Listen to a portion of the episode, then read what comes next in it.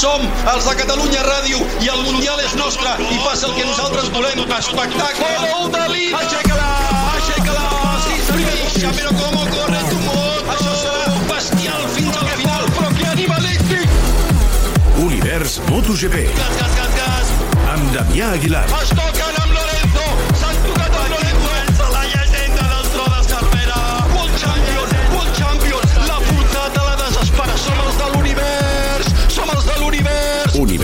MotoGP. Semblava que tindríem calma i ha arribat la tempesta en forma de caiguda forta. Marc Márquez la patida abans de les 11 del matí, en l'últim moment del tercer lliure, i és que havia sortit per mirar d'assegurar-se la Q2 i s'ha trobat a sota dels coixins de seguretat del revolt 7. Ha estat una caiguda de davant, que es diu, i vas arrossegant i ha entrat en zona de grava i ha xocat lliscant contra els anomenats airfences. La sort és que no ha tingut contacte amb la moto, que ha volat per sobre. Ha passat pel centre mèdic i n'ha sortit amb un diagnòstic de contusió cervical i el permís per seguir endavant. El braç està bé, però per seguretat ha passat per l'hospital per fer-se un tac. Univers MotoGP. Quan t'expliquen que Marc Márquez ha caigut, normalment sempre hi ha tensió, perquè sabem el que arrisca. El seu últim Mundial, te'n recordes? El va guanyar dos dies després d'una fortíssima caiguda a Tailàndia, també amb visita obligada a l'hospital de Buriram. Però som en un moment en què Marc Márquez no ens sembla irrompible, ja no ens ho sembla, o de moment no ens ho sembla. El tot gira i hem parlat aquesta tarda. Almenys sembla que té piles per continuar pitjant el gas. Més que m'he aixecat avui molt content. M'he aixecat content perquè m'he aixecat amb energia. O sigui, a, a Portimao semblava que m'hagués passat un camió per damunt, però, però aquí m'he aixecat amb energia avui, m'he aixecat bé, no tenia agulletes, eh, i dic avui, avui em sentiré bé. I he començat, és el primer dia que he començat a pilotar la moto com, com m'agrada a mi. He començat a sentir coses ja, he començat a demanar coses a l'equip de aquí s'ha de millorar, aquí no. I, i això és un pas important també així que demà a veure si, ja et dic, a veure si podem fer una cursa de menys a més eh, sortim darrere, això també és una motivació perquè pots anar agafant pilots, pots anar adelantant gent i aquesta serà la intenció. Aquesta caiguda l'ha fet entrar en repesca i després ha sortit a assegurar amb una goma tova.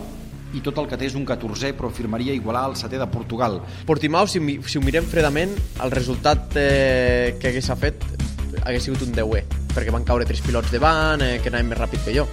Així que, que setens, eh, si, si el firmo ara, el resultat, si, si, si podem arribar a sortir al 14 o el 7.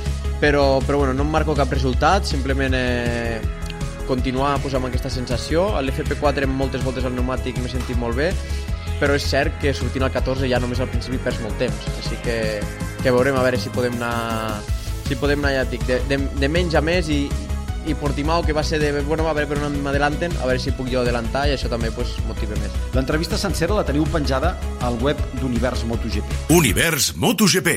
La graella, Pol per Fabio Quartararo, segona pol consecutiva de la temporada, segon Franco Morbidelli venint des de la repesca, tercer Jack Miller. Aquests són els de la primera fila.